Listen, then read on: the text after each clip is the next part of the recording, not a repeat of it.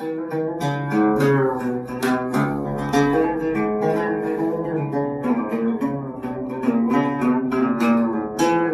عليكم. صبحكم الله بالخير أو مساكم كل بتوقيته عودا حميدا بعد عزلة خفيفة آه لترتيب بس الأوضاع النفسية ومعرفة التوجه الحقيقي وين.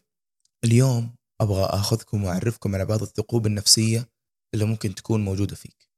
نبدأ ونقول بسم الله. في داخل كثير منا أماكن فاضية حلقة داخلية مفرغة نحاول نعبيها بأشياء كثير وطرق مختلفة بس للأسف بدون فائدة. في واحد يحاول يعبيها بنجاحات مدوية وخارقة ومبهرة للطبيعة وواحد ثاني يحاول يعبيها بشهرة وبنظرات إعجاب في عيون الناس وواحد يحب يعبيها بنهم وشره غير مبرر للفلوس أو للنفوذ أو للأضواء. في واحد يحاول الدخول في قصص حب متكررة سطحية زائفة وفي أحد يلبس رداء علم أو حكمة أو دين من غير عمق أو أصالة أو حقيقة. وكل هذا ما يعبي ولا يشبع ولا يسد هذا الفراغ النفسي الداخلي. اللي يكون مثل الثقب الأسود يبلع أي شيء قدامه وأي شخص بلا نهاية.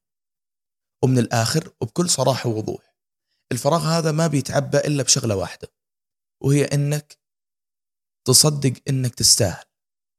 احتمال أن تكون الكلمة هذه غريبة عليك أو مو متعود إنك تسمعها أو تفهمها بس هي بسيطة وبديهية جدا وموجودة في تكوينك النفسي من يوم ما انولدت. أوقات كثير التربية أو المجتمع يؤكد عندك هذه الرسالة إنك تستاهل إنك تنحب وأوقات كثير يشكك فيها وأوقات يوصل لك عكسها.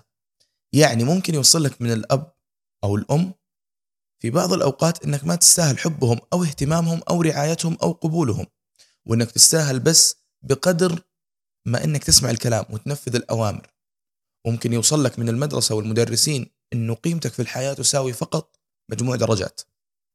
وطبعا ممكن يوصل لك من الشارع والشغل والمجتمع والناس إنك ما تستاهل تنحب ولا تفرح ولا تستاهل تطمئن ولا تستاهل أصلا إنك تعيش. في المواقف الصعبة واللحظات الحاسمة هذه لو أنت ما قاومت وما سمعت صوت فطرتك وطبيعتك كويس بيكبر الثقب الأسود وتعيش عمرك كله تحاول تعبيه بسراب ورا سراب ورا سراب. حتى لو نجحت وجبت أعلى الدرجات ما بترضى ولا تفرح من قلبك ولا تحسب نجاحك إنه نجاح. لو أنت مو مصدق إنه أنت تستاهل إنك تنجح وتفرح وحتى لو عشت كل يوم في قصة حب وكل البنات جت عندك وقربت منك ما بتشبع ولا بتقتنع ولا بيستقر قلبك. طول ما أنت مو مصدق إنك تستاهل تنحب وتنحس ويهتم فيك. اجذب كل الأضواء وشد كل الانتباه ولم كل البشر حولك حتى لو طلعت لك جناحات وصرت تطير في السماء يا رجل. كل هذا ما بيكون له أي فايدة ما بتحس بهذا كله إنه له معنى. لو أنت مو مصدق إنه أنت تستاهل إنك تنشاف وتقدر. ولا تسأل أنا كيف أصدق إني أستاهل إني أنحب وأنجح وأفرح. لأنه الإجابة هذه عندك وفي فطرتك وتكوينك النفسي. مطلوب بس إنك تسمح لنفسك تشوف هذا فيك وتصدقه وتقول لا لأي أحد وكل أحد يحاول يوصل لك غيره.